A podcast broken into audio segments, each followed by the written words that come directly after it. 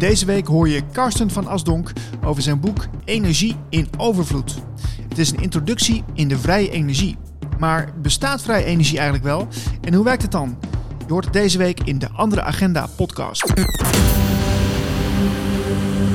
Het is weer tijd voor de allerbelangrijkste agenda van Nederland, de Andere Agenda. En wederom, en ook voor de laatste keer, Jeroen Arends. Ja, de laatste keer. Hi Niels, dank je. Hi Jeroen, ja, het is, eh, de- de- we krijgen een ander format en eh, bezuinigingen, je weet hoe dat gaat. Ja, ik Dus- word wegbezuinigd. Dus dan Het is is niet het- anders. Ja, misschien dat we jou nog ergens anders zien, maar ja, dit is de laatste keer alweer, hè? Ja, ik kom vast nog wel weer terug hoor. Jawel, jawel. Ja. Maar goed, je hebt wel eh, altijd het eerste woord in deze uitzending met de agenda. Dus ik ben heel benieuwd wat er nou weer in zit. Het laatste woord is dit keer te beginnen met mannen. Kijk, Mannen. mannen! Mannen hebben ook mannen nodig. En Ja, er is een hoezo? organisatie Ja? in Nederland, die heet Mannenhart. En die organiseert mannen voor mannen. Mannendingen. Ah, en waar, waar- waarom is dat goed dan? Nou ja, dat is, eh, je kunt met vrouwen alles bespreken, maar het is toch anders dan met mannen. We missen toch een beetje dat echte mannengevoel eh, tegenwoordig. En het is ook toch... Je kunt dan op een andere manier heel open zijn. En, en dat, dat raakt je ergens waar, wat je met een vrouw niet kunt bereiken. En dat is waardevol. Ja. En voor vrouwen geldt hetzelfde hoor. En vrouwen hebben ook vrouwencirkels nodig en dat soort dingen. Heel waardevol. Dat weet ik uit ervaring. Of dat hoor ik dan van eh, vrouwen, zeg Ja. maar. Maar eh, als het om mannen gaat, dat weet ik uit ervaring. Ik heb veel mannencirkels gedaan, ook zelf. En dat is echt heel waardevol. Ja. En eh, hoeveel, hoeveel mensen kunnen daar meedoen dan? Nou goed, Mannenhart is dus een organisatie in Nederland die allerlei verschillende evenementen organiseert. Zoals het Freeman Festival of Kamp Wildeman. Making of Man Weekend, Vader-Zoon Weekenden, dat soort zaken. Ehm, en goed, kijk gewoon eens een keer op mannenhart.nu zou ik zeggen. En laat je inspireren. Oké, interessant. Alright. Mooi, gaan we verder met comedy. Want ook dat is nodig. Lachen. Ja, maar dat is, ik zie hier wel een bruggetje. Want mannen moeten ook met, ja, met elkaar lachen is anders, hè? Met mannen dan met vrouwen. Dat, dat Ja. moet je ook herkennen. Ja, je mannen gaan meteen helemaal anders doen als er een vrouw is. Gaan ze allemaal... Gaan ze allemaal Politiek correct doen. Nou ja, goed. Een beetje eh, dingen lopen... Beter willen zijn dan de ander, hè? Oh, ja, ja, ja. ja voorbeeldgedrag. Ja, ik wil eigenlijk een soort eh, referentie maken die ik maar niet kan. Nee, nee voor het geval die jonge hier mag je alles zeggen, dan, eh, Je mag je alles Laten we dat maar niet doen. Maar, eh, allerlei groottes vergelijken, hè? Dus als, dus, maar dat is niet nodig. Nee. Dus een grote hand bijvoorbeeld. Grote oren. Ja, ja, Ja, zoiets. dat soort dingen Ja, toch? Hè? ja. Nee, dan snap Grote ik hem. neus. Ja, Dan win ik. Ja, oké, duidelijk. Ja, dus, maar, dus en met mannen kun je ook lachen. Op een andere manier dan met vrouwen. Eh, en met Wouter Meijs kun je zeker lachen. Ja, die hebben we een keer een uitzending gehad hier, hè? Ja, waarom? Dus, dus dan weet je het. Hè. Hij is ook columnist voor onze krant. eh, maar hij, eh, en onderdeel van Hart voor Humor. Natuurlijk het comedy collectief eh, van Jonathan Crispijn. Maar hij doet ook zijn eigen show. Louter Wouter. En dat is de volgende is in Drachten op 15 april. Vanaf half negen s'avonds kost je 10 euro of zo. Want het is gewoon een richtbedrag. Vrijwillige bijdrage. Dat zie je trouwens voor steeds meer, hè, dat mensen zeg maar een soort richtbedrag geven. Ja, weet je, de, wij deden dat vroeger bij Niboero ook. En dan krijg je gewoon meer dan wanneer je vast bedrag voelt. Oh, dus het is een Ja. psychologische dat trick. gewoon een slimme truc. Oh, gaat, goede marketing. waarom doen wij dat dan niet met die abonnementen hier? Poeh, ja, goed idee. Ik weet niet. Zou ik, ik zou het eens vragen. Ja. Hugo. Hugo. Hugo, eh, ja, als je hem vraagt, die zit er niet, hè? Ja, ja, ja. Hm, nou ja. Alright, Maar, dus, louter Wouter. Om te lachen. tof. Ehm, Oké, en als mensen nou, eh, ja, mensen willen misschien ook eh, die krant blijven lezen, uiteraard, zou ik wel doen. Eh, hoe kunnen ze ons bereiken met tips en zo? Agenda.anderekrant.nl Kijk, dat is wel mooi om te weten. Ja, mail Jeroen- alles. Jeroen, heel dank voor jouw tijd en we spreken je ongetwijfeld wel weer een keer weer in een of andere uitzending. Graag gedaan. Dit is de Andere Agenda podcast. De Andere Agenda podcast. Dit is de Andere Agenda podcast, de enige agenda die jou wel dient. En vandaag praat ik met Karsten van Asdonk over vrije energie. Karsten, welkom in de show. Dankjewel, dankjewel Niels. Ja, Karsten, dit is een, eh, een mooi groot onderwerp wat we gaan aanraken vandaag. Eh, er is veel over te zeggen, maar we moeten het een beetje inkleden zodat het eh, voor de meeste mensen te volgen is. Ja. Ehm, jij, jij, jij hebt de bachelor gehaald aan de, ja, de, de TU Eindhoven, zeg ik dat goed? Ja, correct. Ja. En je hebt eigenlijk al een, een aangeboren nieuwsgierigheid gehad eh, naar nieuwe perspectieven in de wereld. Ja. En eh, ja, en ook natuurlijk met vrije energie. Daar heb jij behoorlijk wat eh, research naar gedaan. En daar gaan we het vandaag over hebben. Ehm, maar toch, hè, want even, om te beginnen, het is, voor veel mensen is dit nieuw, eh, maar ook nog steeds controversieel. ja. Hoe, hoe komt dat volgens jou? Ja, nou, uh, wat we dus nu eigenlijk zien is dat de, in de energietransitie staat alles op zijn kop. We hebben natuurlijk allerlei crises in de wereld, meervoud. Waaronder een uh, klimaatcrisis, zoals dat wordt genoemd. Wat er precies gebeurt in het klimaat en hoeveel invloed daar wij op hebben, is, een, uh, is een, nog steeds een vraag waar geen consensus op is. Maar dat er verandering plaatsvindt, is natuurlijk een feit. En onze energiehuishouding daarin is uh, zeer fundamenteel. Hè? Dus de manier waarop wij energie opwekken, met olie, met gas, steenkolen.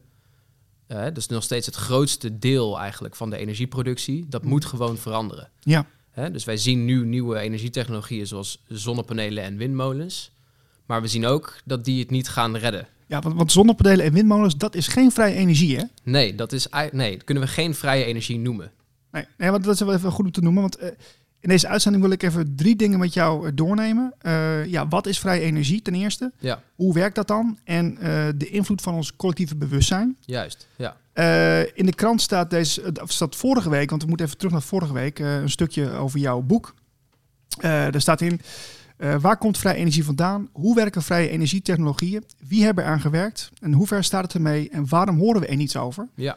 Nou ja, dat, dat, daar kunnen we zo eigenlijk wel twee, drie uur over vullen. Dat, dat gaan we niet doen. Ik denk het wel, ja. Uh, maar, uh, en, en ja, zo zijn er nog heel veel uh, dingen te bedoelen. De geschiedenis, de pioniers die er allemaal bezig schijnen te zijn. Ja. Dus dat, dat, daar kunnen we heel eind mee komen.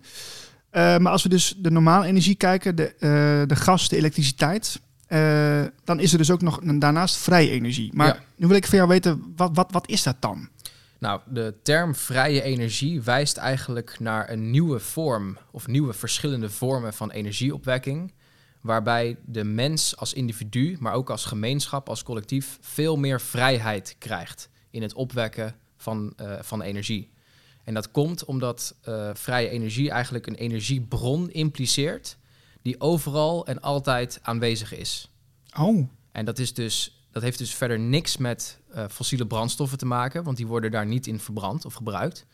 Maar ook niet met de zon en de wind. Want de zon en de wind zijn wel duurzame energiebronnen wat dat betreft. Mm -hmm. Maar die fluctueren. En uh, als de zon niet schijnt in de nacht en als de wind niet waait, dan zitten we met een tekort, een ja. enorm tekort. En dat kunnen we vooralsnog niet zomaar oplossen. Ook niet met uh, opslagtechnologieën en met smart grids en dus vrije energie wijst eigenlijk naar een energiebron. En daar kunnen we straks uh, dieper op ingaan. Uh, die overal om ons heen aanwezig is. Zelfs in deze ruimte waarin wij nu zitten. Uh, met een dergelijk hoge energiedichtheid dat we in al onze energiebehoeften kunnen voorzien. Het klinkt een beetje als een science fiction film. Ja, dat klopt. Maar ja. wat, en, en je zegt dat is een bron, maar wat, wat is dat dan? Want, ja, nou, stel je, uh, uh, stel je voor dat er een energieveld is. Hè? Dus in de natuurkunde uh, worden termen gebruikt als velden, zoals een elektrisch veld of een magnetisch veld. Die kunnen wij niet zien met het blote oog. Dus het is eigenlijk in de eerste instantie onzichtbaar. Mm -hmm. Maar elektrische velden en magnetische velden kunnen we wel meten met speciale apparatuur. Ja, dus het is er wel, maar dat kunnen we zelf niet waarnemen eigenlijk. Niet met ons blote oog, niet met ons lichaam. Nee. Maar dan hebben we het alleen over elektrische magnetische velden. Maar er is ook nog een veld, een grondveld, wat je zou kunnen noemen. En dat noemen we de ether. En de ether is eigenlijk een term die al duizenden jaren wordt gebruikt, sinds eigenlijk de, de cultuur van de oude Grieken. Ja. Uh, Aristoteles noemde het uh, het vijfde element. Dus oh. naast de andere vier elementen, aarde, water, vuur en lucht, is ether eigenlijk sindsdien het vijfde element genoemd. En was dus uh, dermate fundamenteel dat de ether, uh, het was eigenlijk het verbindende element. De ether is een soort uh, energieveld, een substantie die alles doordringt. Dus ook de lege ruimte, wat wij een vacuüm noemen, en ook alle materie. Oké, okay, wa waarom, ja, waarom wordt daar nu niet gebruik van gemaakt dan? Nou, eigenlijk, dus daar zit een heel stukje geschiedenis aan. Daar kunnen we dan meteen op ingaan. Um, uh, de ether is rond het einde van de 19e eeuw in discrediet gekomen, omdat men een experiment had bedacht en uitgevoerd om te testen of er daadwerkelijk zo'n ether was. En dat was het experiment van Michelson en Morley. En zij wilden, de hypothese testen of de ether stationair was. Dat wil zeggen alsof het uh, een oceaan is met water dat stilstaat. Mhm. Hè? En waar de aarde dan doorheen beweegt. Dus je zou kunnen voorstellen dat je dan een soort weerstand voelt hè, van Mhm. die ether. Ja. Nou, dat vonden ze niet. Dat hebben ze niet gevonden. Dus ze hebben daarmee meteen de hele notie, het hele concept van de ether, in de prullenbak gegooid. Dat is jammer, eh, want uiteindelijk, als we dan weer eh, wat verder gaan in de geschiedenis, in de jaren 10, 20 en 30 van de vorige eeuw, waar de kwantumfysica eigenlijk het nieuwste veld in de natuurkunde werd ontdekt, daar kwamen we erachter dat er wel degelijk zo'n veld bestaat met een zeer hoge energiedichtheid, waarvan twee eh, beroemde wetenschappers, John Wheeler en Richard Feynman, hebben gezegd dat er zoveel energie in zit dat als ik, eh, als ik een glas pak en ik trek dat vacuüm, dus alleen het volume van een glas, Ja. dan zit er zoveel energie in dat je alle oceanen van de wereld ermee kunt verdampen. Yeah, right. Ja, en dat Echt? hebben ze uitgerekend. Hè? Even wel een soort van op de achterkant van een bierveeltje, maar Ja, met, ja. met de wetten van de kwantummechanica. En in principe is dat genoeg energie om de aarde een miljoen jaar van elektriciteit te voorzien. Als we maar weten hoe we die energiebron kunnen aanbieden. Ja, ja, maar dit is, dit is wel eh, ja, hypothetisch. Dat is hypothetisch, maar niet helemaal. Want het is ook aangetoond dat dit veld energie bevat en invloed kan uitoefenen. Dus dan, dan kijken we naar de geschiedenis van de vrije energiepioniers. Maar zelfs in de mainstream, eigenlijk de gevestigde wetenschap, Mhm. is dit aangetoond. Ja. Nee, maar we kijken, de, de, de, hoe we nu energie gebruiken, dat wordt ergens vandaan gehaald, hè, vaak Ja. fysiek. En dat Ja. wordt dan opgeslagen en dan wordt dan eh, door, eh, eh, verspreid over de bevolking, bij mensen Juist. thuis enzovoort. Ja. Maar dit, waar jij nu over spreekt, dit zou dus iedereen individueel, decentraal zouden ze dat kunnen doen. Dus zou iedereen in zijn kelder of in zijn achtertuin, maar ook zelfs in zijn auto, ter plekke kunnen aanboren, deze energiebron. Zodat je voor altijd onafhankelijk bent van een gecentraliseerd energiesysteem. Ja, maar, als het, maar Karsten, dit is al heel lang bekend dus. Maar dat, Ja, en dan dus- komen we bij het controversiële aspect. nou ja, oké, maar goed. eh, de- de- de- ja, ik vind het best. Ik vind het. Eigenlijk is het groot nieuws natuurlijk dit. Hè? Mhm. Maar, de, de- Ja. Maar al die bedrijven die nu eh, ja, groot zijn, die, gaan, die voeren nog steeds het beleid door hè, op die fo- fossiele brandstoffen. Ja. Eh, ja, dan kun je zeggen van oké, dat, dat doen ze omdat ze het niet beter weten. Ja. Ehm, maar eh, ze hebben natuurlijk ook een, een, een positie. Ja, zeker. Dus eigenlijk, je, je, je kunt beter zeggen, men weet wel degelijk beter. Hè? Dus als we kijken bijvoorbeeld naar de ontwikkeling van de elektrische auto. De elektrische auto werd eerder uitgevonden dan de brandstofauto, de brandstofmotor. En de reden waarom de brandstofmotor werd ingevoerd, is omdat er enorm kapitaalbelang achter zat. Om fossiele brandstoffen eh, als hoofdmoot te gaan gebruiken in de energie in de transportsector. En je zegt de elektrische auto was er eerder dan Ja. de, de auto die we nu kennen. Ja. Maar wanneer werd die uitgevonden dan? Rond 1900, dus rond, eh, rond het einde of begin van de, van de vorige eeuw. Ja. Oké, jeetje. En door wie?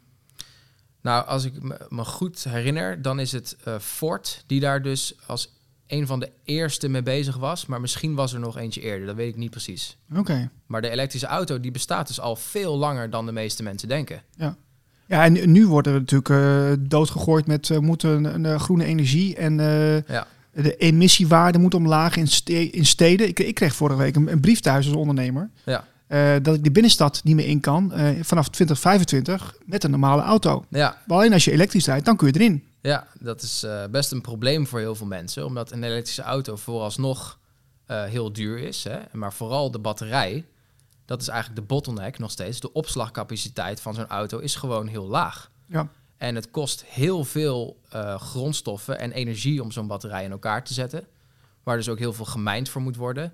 En het is ook nog eens bizar slecht te recyclen vooralsnog. Ja, oké, maar daar kunnen misschien oplossingen voor komen. Want ik, vind, ik ben wel voorstander van de elektrische auto. Als, we- als we dat kunnen Ja. doen op een slimmere manier, dan ben ik daar wel voorstander van. Nou, en stel nou dat die slimmere manier een energiebron is... die je gewoon in de auto ter plekke kunt aanboren. Dan heb je die hele batterij dus niet nodig. Ja. En dat is eigenlijk waar we, waar we het hier over hebben, waar we hier naar kijken. Ja, maar Toch, toch vind ik het wel eh, lastig te volgen dat dat, eh, dat dat al zo lang bekend is, Karsten. Ja, En dat dat, dat, dat dat nog steeds niet doorgedrongen is. Ik bedoel, eh, ik snap dat het zijn belangen.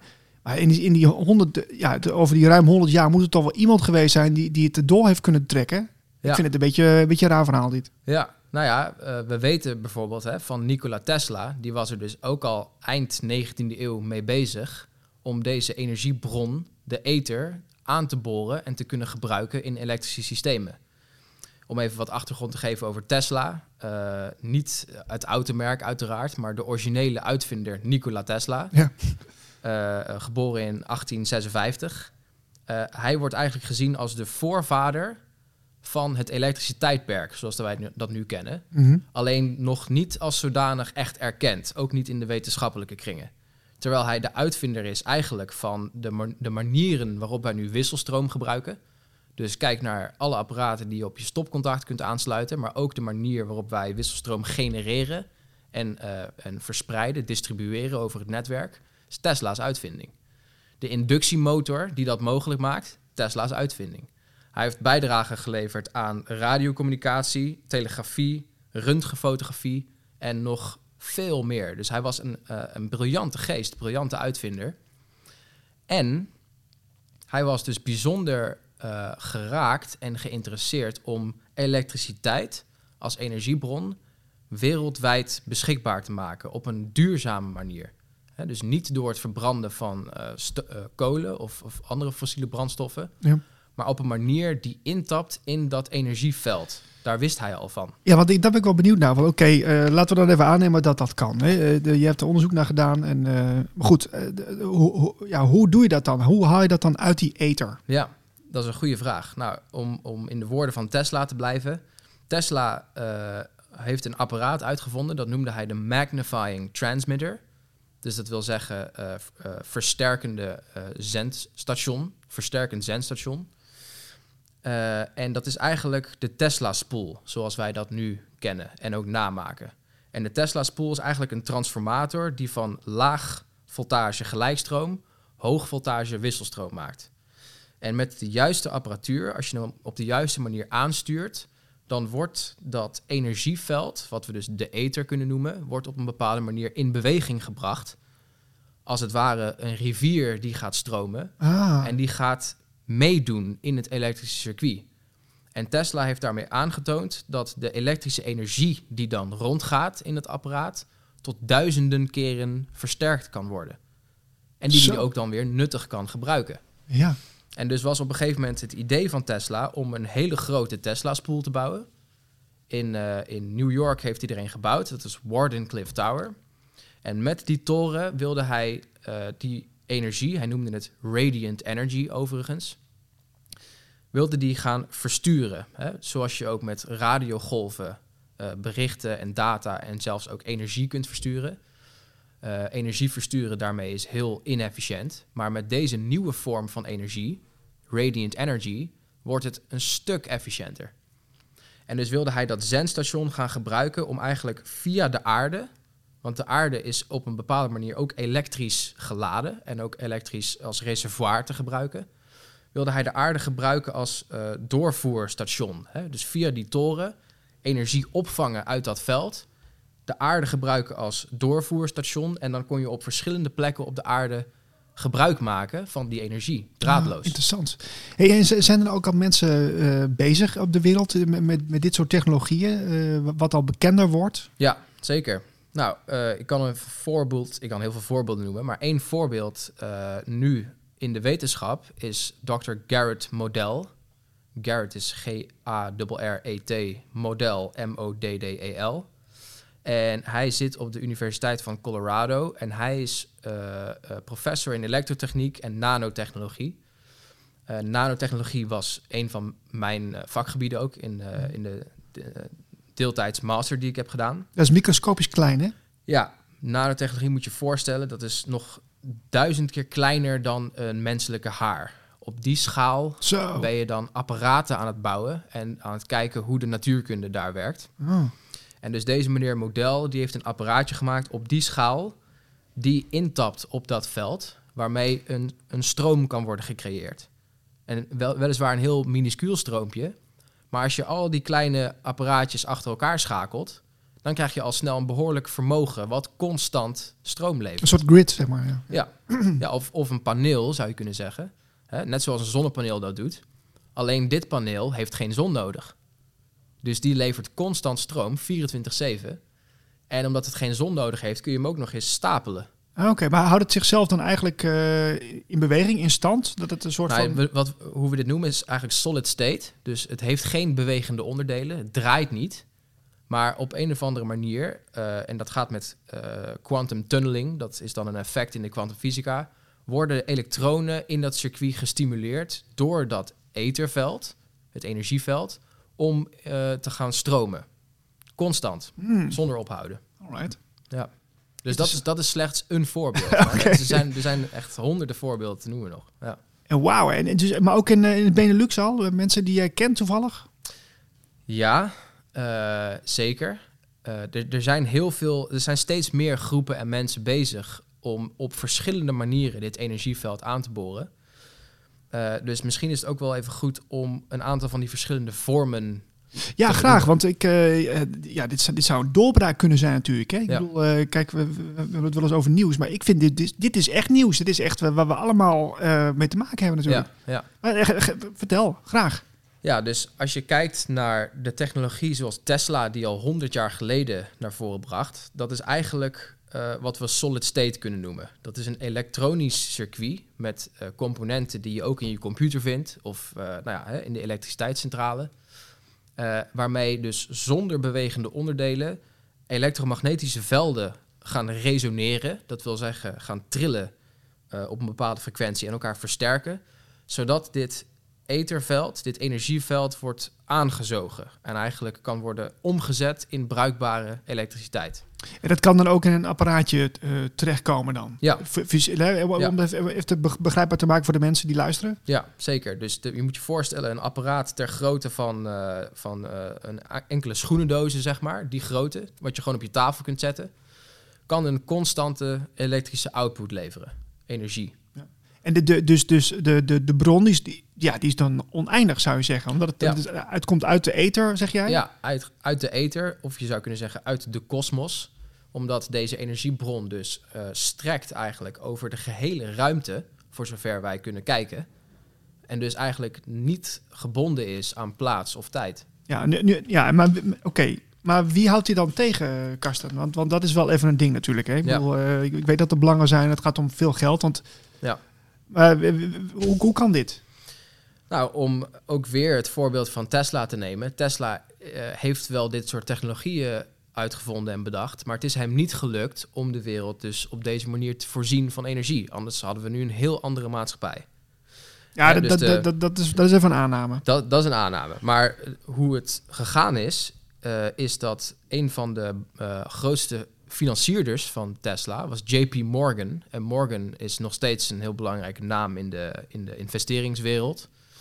Kijk naar Morgan Chase. Eh, JP Morgan was een heel rijke bankier en hij was ook geïnvesteerd in alle eh, nieuwe opkomende elektriciteitscentrales, het netwerk dat zou worden gaan aangelegd. Hè. Dus toen hij zag dat wisselstroom eh, als beste uit de race kwam tussen wisselstroom en gelijkstroom, wist hij, oh, dit wordt mijn nieuwe monopolie. Hier ga ik voor zorgen dat heel Amerika en in het verlengde daarvan ook de rest van de wereld het netwerk krijgt van wisselstroom en daar kunnen we geld mee verdienen. Dus een enorme business eh, was geboren. Eh, en eh, hij was dus fan van Tesla in zekere zin en, en financierde zijn onderzoek. Dus ook de Warden Cliff Tower. Dat was eigenlijk tot, tot dan toe het grootste project voor Tesla. Maar toen Morgan eenmaal lucht kreeg van Tesla's ambitie om dus die energie praktisch gezien gratis en in overvloed beschikbaar te maken, toen zei hij, ho eens even, dat gaan we niet doen. Hmm. Want hoe gaan we dat dan meteren? Hoe gaan we daar een meter aan hangen? Dat kunnen we dus niet eh, beperken in zekere zin en al helemaal niet eh, een prijs aanhangen voor een consument die Ja. daar dan voor gaat betalen. Maar dit is dat dus duidelijk een financieel belang. Absoluut, dat is een heel duidelijk financieel, maar uiteindelijk ook een, een controle, een machtsbelang. Ja, Ja. Maar dan nog, hè, dan is het wel, wel heel lang geleden. Je zou toch denken van, er, zal toch, er, er moet toch wel iemand zijn geweest die eh, dit heeft proberen te doorbreken. ja. Nou ik, ja. vind, ik vind het wel ongelooflijk. Ja, dat is, dat is heel bizar om te zien. Eh, maar hoe meer voorbeelden je in de geschiedenis hiervan gaat bekijken, hoe meer eigenlijk dezelfde patronen terugkomen. Wat, wat, eh, hoe, hoe werden die mensen dan gecanceld? Nou, om even een ander voorbeeld te noemen. Een van de mensen die eigenlijk gedurende Tesla's tijd ook bezig was, was Thomas Henry Moray. eh, in de jaren 20. En hij heeft ook een soort ontvanger, soort radio-ontvanger uitgevonden voor die radiant energy, waar Tesla het ook over had. En eh, het lab van deze man is twee keer in de fik gestoken. Zijn apparaat is met een voorhamer kapotgeslagen door zijn consultant, die hè, zich voordeed als iemand die het goed met hem eh, had, maar die uiteindelijk eh, toch een, eh, een vijand bleek te zijn. Hm. En zelfs in zijn auto werd hij regelmatig beschoten door, Zo. door luxe sedans, hè, door meerdere auto's. Waardoor hij genoodzaakt werd om kogelvrij glas in zijn auto te zetten. Om Was in de jaren twintig. Dit is in de jaren 20, ja. Jongen, jongen, jongen. Dus kun je je voorstellen dat eh, dus toen al, en eigenlijk toen men lucht kreeg van dit soort nieuwe ontwikkelen, werd het bij voorbaat in de kiem gesmoord. En als je, als je dus verder kijkt hè, naar andere voorbeelden, dan zie je dat stelselmatig terugkomen. Ja, en, en, en, en, en ja, ik, ik bedoel, we zitten nu in een heel ander tijdperk. Hè? Dus eh, Ja. je zou te denken met het internet, eh, mensen die iets uitvinden, die, die, en, en komt iemand met veel geld, dit, dan kan het toch makkelijker doorbroken worden. Ja, klopt. Dus Maar waarom gebeurt dat dan niet? de internet is, een, is echt een grote zegen en tegelijkertijd ook een grote vloek. Want als we kijken naar eh, hoeveel informatie er rondgaat op internet, 90% is gewoon echt troep. Hoezo? Nou, kijk even naar hoeveel er op YouTube wordt geüpload elke minuut. Dat is 500 uur aan filmpjes. Dat kunnen we dus niet eens kijken. Hè? Dus, dus iets of iemand die moet al die informatie filteren. En als ik dus naar YouTube ga, dan moet ik eh, voor 95% het kaf van het koren scheiden. Ja. Voordat ik informatie vind zelf die eh, eventueel waardevol is. Dus het vergt, eh, het vergt wat kennis, het vergt wat vooronderzoek voordat je informatie te zien krijgt die echt van waarde zou kunnen zijn. En zeker in dit veld. Ja, maar goed, als je dus ergens in geïnteresseerd bent, stel je bent geïnteresseerd in vrije energie, en Ja. je kijkt daar een paar video's van, hè, dan is er ook een algoritme wat zegt van oké, dan zijn die video's ook interessant. Ja, Dus dat klopt. zo werkt het ook alweer, hè? Ja, dus dat is ook zo. Ja. Eh, eh, en daar zie je dus ook dat eh, er, er is nog een heel spectrum aan verschillende weerstanden die ook de uitvinders zelf eh, mee kunnen maken. Hè? Dus Is, is het nog wel van deze tijd om, om inderdaad, eh, weet je, je dat als, eh, kogel, hoe zei je dat ook weer? Kogelvrij glas. kogelvrij glas en, en, en, en, en, en de- de- ja, zo'n zo'n zo'n tegenwerking van binnenuit, zien we dat nog steeds? Ik denk dat je dat steeds minder ziet. met name ook omdat dus de groepen en de mensen die bezig zijn met vrije energie steeds groter worden. En dus ja, uiteindelijk is het niet meer te stoppen. En dus de vraag is wanneer breekt het door? Maar dat is eigenlijk ook een vraag die dan uiteindelijk uitkomt op zijn wij er klaar voor? En dat is ook de hoofdreden eigenlijk waarom het zo controversieel is. Is omdat als vrije energie geïntroduceerd gaat worden, dan verandert elk aspect van ons bestaan. Elk aspect van de samenleving. Kunnen we ook even over- doorgaan, maar ik, ik werd even getriggerd door wat je net zei. Je Mhm. zegt, zijn wij er klaar voor? Ja. Waarom zouden we dat niet zijn? Nou, dat heeft hiermee te maken, omdat als, als je gaat eh, bedenken wat dat allemaal teweeg brengt, vrije energie, wat dat allemaal verandert, dan kijk je naar het financieel systeem dat gaat op de schop. Omdat energie nu gekoppeld is aan geld. Energie is geld waard. Hè, dus als wij een energiebron hebben die zo overvloedig is, nog overvloediger dan de lucht eigenlijk, dan is energie dus praktisch gezien gratis. Allerlei eh, triljoenen industrieën in de energie, dus de kolen, gas, steenkool, aardolie, eh, die gaan allemaal failliet of die hebben geen bestaansrecht, want we hoeven geen brandstoffen meer te verbranden voor onze energie. Ja, maar dat, dat zal natuurlijk niet eh, over één nacht ijs gaan. Want eh, als je voor die, die doorbraak komt en Ja. helemaal zelf mensen willen dat, dan zal er een, een hele smooth transition komen, denk ik. Hopen we. Hopen we. Ja, maar je kan ja, al die mensen die, die werk hebben in, in al die industrie, je kunt toch niet gewoon gelijk zeggen, van, ja, volgende week ben je werkloos. Dat kan niet. Nee, precies. Maar dat is dus ook een grote weerstand. Het is niet alleen een financiële en een economische weerstand, maar het is ook een, een paradigmaverschuiving in het wereldbeeld. Mentale, ja. Een ja. mentale, psychologische. Omdat wij nu in een maatschappij leven die, die eh, heel erg is ingericht om in dit systeem mee te werken. Je wordt eigenlijk vanaf jongs af aan wordt je opgeleid om op een bepaalde manier te denken en om op een bepaalde manier mee te werken in dit systeem. Ja. En als je, eh, als je niet geld verdient om energie te betalen bijvoorbeeld, dan kun je eigenlijk nauwelijks overleven in dit systeem. Dan word je een outcast. Maar ik vraag me wel af, Karsten, of het dan per se een verbetering is. Want ik, ik snap wel dat het dan, dan processen makkelijker gaan en dat we dat, Ja. je, dat, je, dat, dat het eh, minder eh, veel, werk kost, want alles is dan beschikbaar. Dus dat Mhm. snap ik. Ja. Maar is, eh, dient het dan ons wel per se? Dat is wel een vraag. Absoluut. En dat is meteen een hele filosofische vraag eigenlijk. Omdat we hebben een energieprobleem. Dat, dat kunnen we wel stellen. We hebben eh, energietekort. En zeker als we meer duurzame energietechnologieën gaan invoeren, krijgen we nog meer problemen met fluctuaties en tekorten. Eh, maar als we gaan kijken naar, eh, dus wat zou dan de oplossing zijn als we zomaar een oplossing gaan invoeren als een energiebron die alomtegenwoordig beschikbaar is, gaan we dan niet alles nog harder verpesten? Met de mindset die we nu hebben, Ja. hè, met het overconsumptie en met het vervuilen van de natuur, dan moeten we denk ik heel goed nadenken of dit soort oplossingen niet eigenlijk schijnoplossingen zijn als we niet de juiste mindset hebben. Ja. Als we niet het juiste bewustzijn hebben Ja, om met dit- dit soort dingen om te want, gaan. want ik kan me voorstellen dat mensen dan toch eh, een stukje zingeving missen ook. Hè? Eh, Ja. Want, want ja, dat, dat je ziel en zaligheid in je werk er niet meer is. Ja. En niet iedereen heeft een uit de hand gelopen, uit de hand gelopen hobby zoals jij natuurlijk. Nee, eh, precies. Nog niet. Ik hoop wel dat ze die vinden. Ja, dat zou leuk zijn. Ja. Ja.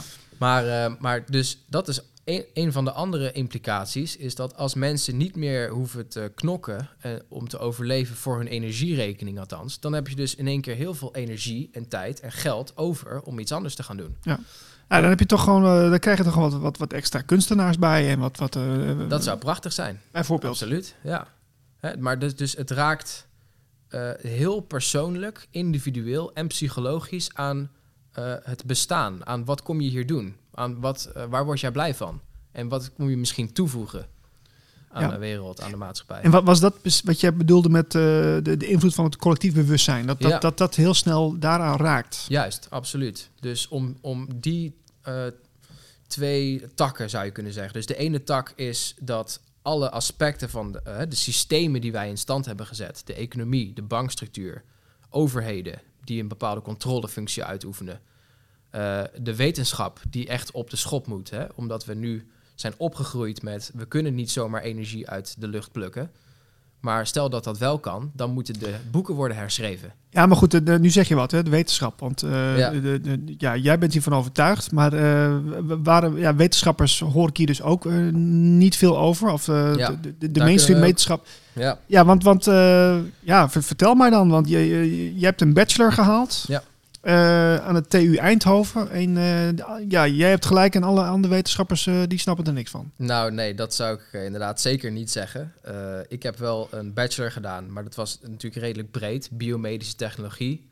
En ik heb een master gedaan waarin kwantumfysica en nanotechnologie een, in ieder geval interessegebied waren, een groot deel van het curriculum. Maar laten we ook van tevoren stellen dat er nooit consensus is, überhaupt in de wetenschap. Ook al lijkt dat soms zo. Hè? Dus we, we kunnen ook van tevoren stellen, dan, wat is dan een wetenschappelijk feit? Dat bestaat eigenlijk niet. Nee, het is continu in ontwikkeling natuurlijk. Het is continu in ontwikkeling. En datgene wat wij nu wetenschappelijke kennis noemen, of een wetenschappelijk feit, zal over 50 of 100 jaar misschien wel totale onzin zijn. Ja, maar we hebben het nu over ruim 100 jaar onderdrukte wetenschap volgens jou. Ja, klopt. En eh, dan, wie, wie eh, zijn er nog meer eh, van overtuigd naast jou dan? Want Nou, dan moeten we ook weer eigenlijk helemaal terug naar de ontwikkeling van kwantumfysica. Dus dat zijn mensen als Paul Dirac, Niels Bohr, Erwin Schrödinger. En die waren allemaal bezig met, met, de, ja, met de kleinste schaal van de werkelijkheid en de implicaties die voortkomen uit experimenten daarmee. Daar kunnen we heel veel over zeggen, maar eigenlijk eh, waren die mensen er al van overtuigd dat er dus dit energieveld is hè, wat je de ether kunt noemen, maar zij, noemden het het nulpunts energieveld. Nulpunts energie is een belangrijke term, omdat eh, als je een atoom afkoelt naar het nulpunt in temperatuur, 0 graden Kelvin, dat is dus heel koud, min 273 graden Celsius, dan blijkt het dat dat atoom niet stil kan worden gezet. We kunnen dat niet zo, zo erg afkoelen dat de materie stilstaat. oké, maar wat zegt dat dan? Dat zegt dus dat daar energie eigenlijk instroomt, continu, vanuit de zogezegd lege ruimte, die dat atoom in stand houdt. Dus de elektronen die met een eh, belachelijke snelheid rond de atoomkern spinnen, die stoppen nooit met spinnen. Hè? En dus de energie die daarvoor nodig is om dat in stand te houden, is gigantisch. Mhm.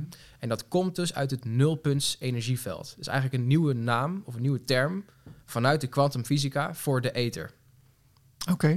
En dat is dus eigenlijk wat deze wetenschappers toen al eh, vonden en toen al zeiden. En ja, gaandeweg is dat dus eh, door vooral pioniers in de vrije energie. Eh, om, hè, omdat de kwantumfysica bleef vooral heel theoretisch. En pas later kwamen daar ook experimenten in terug. Ja, maar met dit, voorbeeld wordt dus, met dit voorbeeld wordt dus gezegd van oké, er, er is dus ergens is er vrij energie beschikbaar, eh, omdat dat daarmee wordt aangetoond. Ja. Eh, maar goed, dan, dan is er wel gewoon, er is gewoon wel een wetenschap, er zijn wetenschappers. Ja. Waarom horen we daar dan niks over? Dat vind ik dan toch. Nou ja, je moet je ook voorstellen, hè, dus eh, binnen het wetenschappelijk kader eh, wordt er ook heel erg vastgehouden aan bepaalde begrippen en noties die ook al net zo oud zijn eigenlijk als het begin van de kwantumfysica. En de kwantumfysica zelf, die heeft ook eigenlijk alles al op kop gezet. Maar de implicaties daarvan worden nog steeds niet echt geaccepteerd door heel veel wetenschappers. Dat is althans, dat is vanuit mijn perspectief. Oké. Ja. En wat, eh, wat zit daarachter? Daar zit achter eigenlijk weer hetzelfde. Dus dat mensen individueel en psychologisch heel eh, eh, graag vasthouden aan een wereldbeeld dat oud en vertrouwd is. Hè? Dus, eh, Dus het is eigenlijk angst. ja, het is eigenlijk angst. Ik, ik, ik zeg altijd het voorbeeld van de kernfysicus, die al 40 jaar gespecialiseerd is in kernsplijting. Hè? Dus kernsplijting is een van de vormen waarin wij nu energie opwekken. Als je hem vertelt dat er dus hè, met het nulpunts energieveld overal en altijd 24-7 energie kan worden opgewekt, dan zal hij niet zeggen, oh ja, natuurlijk. Hè, want eh, dat wist ik al lang, maar ik ben toch maar met kernsplijting verder gegaan. Nee, nee, precies. Dat is, toch, dat is toch een raar.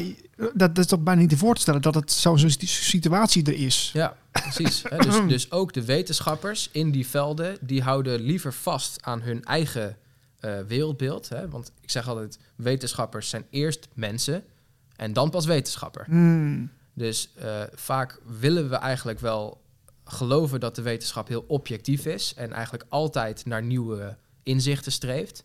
Maar omdat er heel vaak het menselijke component, eh, menselijke aspect nog in zit, is dat niet het geval. Nee, maar ik vind het heel, heel eh, super dat je hiermee bezig bent. En, en ik, ik vind het een heel overtuigend verhaal ook. Maar ik mis ook wel een beetje de, de, de, de steun van andere mensen die misschien wat meer prominent zijn in, in deze wereld. Waar zijn die dan? Nou, die zijn er wel, eh, maar dan moet je even zoeken.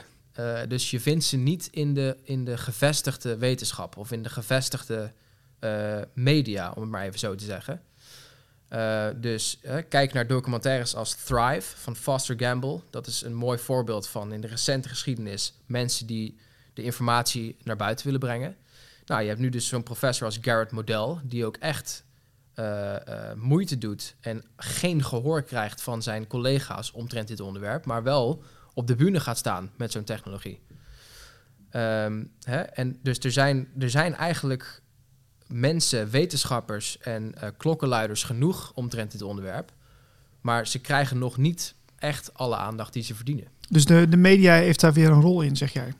Zeker. Ja. Dus dan, eh, dan, dan, ja, dan, dan is de media daarin dus eh, v- voor ingenomen of gekleurd? Of hoe, Ja. hoe zou je dat zeggen? Ja, zeker. Nou, eh, de media is in dat opzicht, net als de wetenschap, ook een product van die menselijke psyche, die eerder vasthoudt aan een eh, vertrouwd wereldbeeld dan dat het totale verandering zou accepteren. Dus het is niet per se onwil, zeg jij. Nee, niet per se. Hè? Dus eh, je zou ook kunnen zeggen, ja, er, er spelen ook enorme belangen in de media een rol. Hè? Dus bedrijven die hun product promoten via de media, die hebben gewoon heel veel macht. En eh, als zij hun eh, verdienmodel zien verdwijnen als sneeuw voor de zon, dan laten ze dingen niet toe in de media. Nee. Hè? de- daar kunnen we ook voorbeelden van noemen natuurlijk, maar dat is gewoon een businessmodel. Ja. Maar er zijn ook genoeg mensen in de media en ook in de bedrijvensector die gewoon niet beter weten. Die wel eh, denken dat ze het beste voor hebben, maar die gewoon hier nog nooit van gehoord hebben. Nou ja, kijk, we, laten we deze podcast eens even eh, als voorbeeld nemen. Heel, heel veel mensen die hier naar luisteren, die, die, ja, die, die, die horen dit ook voor het eerst. Hè? Ja. Dus eh, ik ben ook geen expert, maar ja, dat, dit, dit zet je wereldleven op zijn kop natuurlijk. Ja, zeker. Dus ik moedig iedereen aan die luistert om hier toch zelf onderzoek naar te doen ook. Omdat er, er is informatie genoeg over te vinden. En het is eigenlijk een kwestie van eh, lees jezelf in, doe er onderzoek naar en maak dit een gesprek, een onderwerp van gesprek. Ja. Want hoe meer we hier collectief eh, over gaan praten en dit echt gaan zien als een optie, hoe meer er een draagvlak wordt gecreëerd. En dat is heel belangrijk, die bewustwording in deze fase. En hoe, hoe werkt dat dan, dat draagvlak? Wa- Wat je zegt, eh, dat het collectieve bewustzijn. Ja. Je bent ook al met spiritualiteit bezig. Ja. Hoe, hoe, hoe weet je dan dat dat effect heeft? Nou, eigenlijk komt dat ook weer terug op eh, de kwantumfysica uiteindelijk. Ik, ben, ik was eh, vroeger al heel erg geïnteresseerd in dingen die we niet kunnen verklaren. Hè, dus dus Gewoon een wappie ben je gewoon. ik, was, ik was al heel vroeg was ik al een wappie, vanaf dat ik 17 jaar was ongeveer. dus eh, dat zijn dingen zoals telekinese, het kunnen zien van andere plekken zonder daar geweest te zijn, weet je wel, dat soort fenomenen. En eh, ik wist niet hoe dat werkte, maar toen ik daarin ging graven, toen kwam ik erachter dat er dus eh, overheidsprojecten geweest zijn, met name vanuit de Amerikaanse overheid, die hier uitvoerig onderzoek naar hebben gedaan, met name vanuit de CIA. En toen begon ik eh, dingen aan elkaar te knopen van, oh, maar er is dus onderzoek naar gedaan. En in de kwantumfysica komen we tegen dat eigenlijk de hoofd, het hoofdprincipe wat uit de kwantumfysica voortkomt, is dat ons bewustzijn direct invloed uitoefent op de fysieke werkelijkheid. Ja, maar ehm, oké, maar wat is bewustzijn dan? Want dat is weet je, vind ik altijd een moeilijke vraag. Ja, dat weten we niet. Nee, dus, dus, we, dus met iets van jou, of laten we zeggen jou, heeft invloed op de werkelijkheid. Ja, dus we, kijken- Is het dan ons denken? Is dat dan je lichaam? Of? ja, we kunnen eigenlijk zeggen eh, dat wat jij bent, dat is de kern eigenlijk. En dat is bewustzijn. En dat is niet jouw gedachten. Dat zijn niet jouw gevoelens. En dat is ook niet jouw lichaam. Nou, wat is het dan? Dat is datgene wat waarneemt, datgene wat kijkt. Hè? Dus eigenlijk, eh, en dan kunnen we ook nog een stapje verder gaan. De, de kern eigenlijk van elke religie, die wijst hier naartoe. Die wijst naar een, eh, een essentie, een bron, waar eigenlijk alles uit voortkomt. En in de kwantumfysica, grappig genoeg, wordt die bron als het ware bevestigd, omdat er geen werkelijkheid eh, gemeten of bestaat, überhaupt, zonder dat ons bewustzijn daarin van invloed is. En dus ons bewustzijn wordt eigenlijk al heel snel, ook door experimenten aangetoond, als veel fundamenteler dan de fysieke werkelijkheid. Waar dat dus eerst andersom was. Eerst dachten we, oh, er is een fysieke werkelijkheid, we hebben een brein. En in de elektrochemische verbindingen tussen de neuronen ontstaat ons bewustzijn. Ja, ik kan, me, ik kan me nog een boek herinneren van een aantal jaar geleden. Ik ben even zijn naam kwijt, een wetenschapper. Wij zijn ons brein. wij zijn Inderdaad. ons brein. Ja. Maar jij zegt, nee, dat is niet waar. Nee, dat klopt niet. Nou, dan moet je ook maar eens het boek lezen van Pim van Lommel. En eh, dat is Eindeloos Bewustzijn. En dat is een hartchirurg. En die heeft dus eh, met, met heel veel onderzoeken of ja, eigenlijk laten zien dat eh, wanneer mensen hun lichaam niet meer functioneert, dat het bewustzijn nog steeds voortleeft. Nou, dat is een fascinerend eh, boek en onderzoek. Dus het is meer, meer de, de- ja, het wezen wat wij dan zijn, zeg maar. Ja, het wezen, de essentie. Hè. Sommige mensen noemen het ook ziel. Je kunt ook zeggen, eh, eh, ja, dat je hogere zelf of je ziel. Maar ik denk dat we beter kunnen blijven vooralsnog bij bewustzijn. Omdat het is veel omvattender dan wij kunnen bedenken met onze geest. Ja. Ja, Hier kunnen we nog heel lang over doorgaan. ja Ehm, ik, ik wil toch even terug nog, want dat zit me nog niet helemaal lekker. Eh, dat stukje over ehm, ja, dat, dat de, de wereld dan gaat veranderen als we allemaal vrije energie gaan eh, Ja. gebruiken. Eh, toch even één ding wat, wat, waar ik denk dat een probleem zit. Want ehm, ja, wij, wij hebben natuurlijk ook mensen die daar dan weer de monopoliepositie willen claimen. Stel je Ja. voor, het komt in handen van ja, mensen met hele kwade bedoelingen. Ja, Dan is dat een probleem. ja. Heb je daar al over nagedacht? Zeker. Ja, nou, daar is ook weer, daar kun je weer van verschillende kanten benaderen. Maar de, als, je, als we kijken naar de informatie die beschikbaar is, dus ook vanuit die eh, geheime projecten, voorheen geheime projecten uit overheden, met name de Amerikaanse overheid, dan zijn zij dus hier ook al heel lang mee bezig. En er zijn klokkenluiders die zeggen, ja, de technologieën waar we hier over spreken, dus de vrije energie en ook nieuwe manieren van aandrijving eh, en ook nieuwe manieren van eh, transport in de lucht, dat dat hebben we eigenlijk allemaal al sinds de jaren 40. En dus dat zijn technologieën die wel worden gebruikt in dit soort geheime projecten en ook door het militair-industrieel complex, maar niet beschikbaar worden gesteld voor het, voor het publiek, omdat dat dus te veel macht eigenlijk in handen geeft. Maar als dit bij, eh, de- laten we zeggen, de massa, bij het grote publiek bekend wordt, wat jij hier nu schetst. Ja, dat is toch, eh, dat, sla- dat slaat in als een bom. Ja, dat klopt. Ja, en dat wordt, eh, dat wordt tijd eigenlijk. Want het wordt tijd dat we, dat we te weten krijgen over dit soort projecten uit de overheid. Maar ook dus die technologieën en de mogelijkheden die we daarmee kunnen bereiken. Ja, ik vind het heel bewonderenswaardig dat je hierover uitspreekt. Eh, ben je dan zelf ook niet een beetje huiverig voor eh, ja, eventuele tegenwerking? Nee, dat valt wel mee. En de enige tegenwerking eigenlijk die ik, die ik ooit heb meegemaakt... was op het niveau van simpelweg de buurman die er niet in gelooft. En die er ook niet in wil geloven. Ja. nou ja, goed. Ik denk ook dat er heel veel mensen zijn die naar deze podcast luisteren, die hier nog wel vragen over hebben. Ja, het is heel terecht. En dus ik zou zeggen, eh, wees heel nieuwsgierig en ga op onderzoek uit. Want je, je vragen hierom... Deze podcast zal heel waarschijnlijk meer vragen oproepen dan antwoorden. Ja, ja, weet, Dus- ja inderdaad. Ja. jeetje. Je hebt een boek geschreven, ehm, de introductie, pak hem even bij. Ja. Energie in overvloed, introductie in vrije energie. Ja, klopt. Eh, die is eh, vorig jaar uitgekomen. Eh, wa- waarom dit boek? Ik heb dit boekje geschreven omdat er zijn wel boeken over vrije energie te vinden. Eh, ik heb er ook eentje helpen vertalen van het Engels naar het Nederlands. geschreven door Gene Manning onder andere en Susan Mainwich. En ik vond dat er nog geen boek was dat echt een compacte introductie gaf over het fenomeen van vrije energie. En gewoon eigenlijk de vragen die wij hier behandelen. Dus hè, wat is vrije energie? Eh, waarom is het er nog niet? Wat is de geschiedenis achter? eh, die dat op een compacte manier introduceert, zodat Jan en alle man het kan begrijpen. Daar Ja. is dit boek eigenlijk voor bedoeld.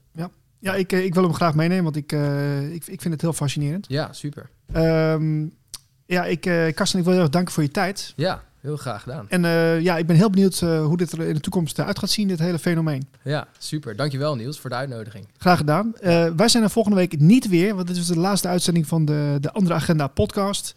We gaan over naar een nieuw model. We gaan met video werken. Dus eh, binnenkort is dat ook te zien op ons YouTube kanaal van de andere krant. En eh, dan hoor je meer van ons. Dus eh, iedereen dank voor het luisteren en tot de volgende keer. Bye bye. De Andere Agenda podcast. We gaan het zelf doen. We gaan het lekker zelf doen. En wil je nou ook in de krant met aandacht voor jouw workshop, lezing of initiatief? Meld je dan aan via agenda.deanderekrant.nl en volg ons ook op Twitter, Instagram en Facebook. Wil je meer van de andere krant? Kijk op anderekrant.nl. Kijk op deanderekrant.nl.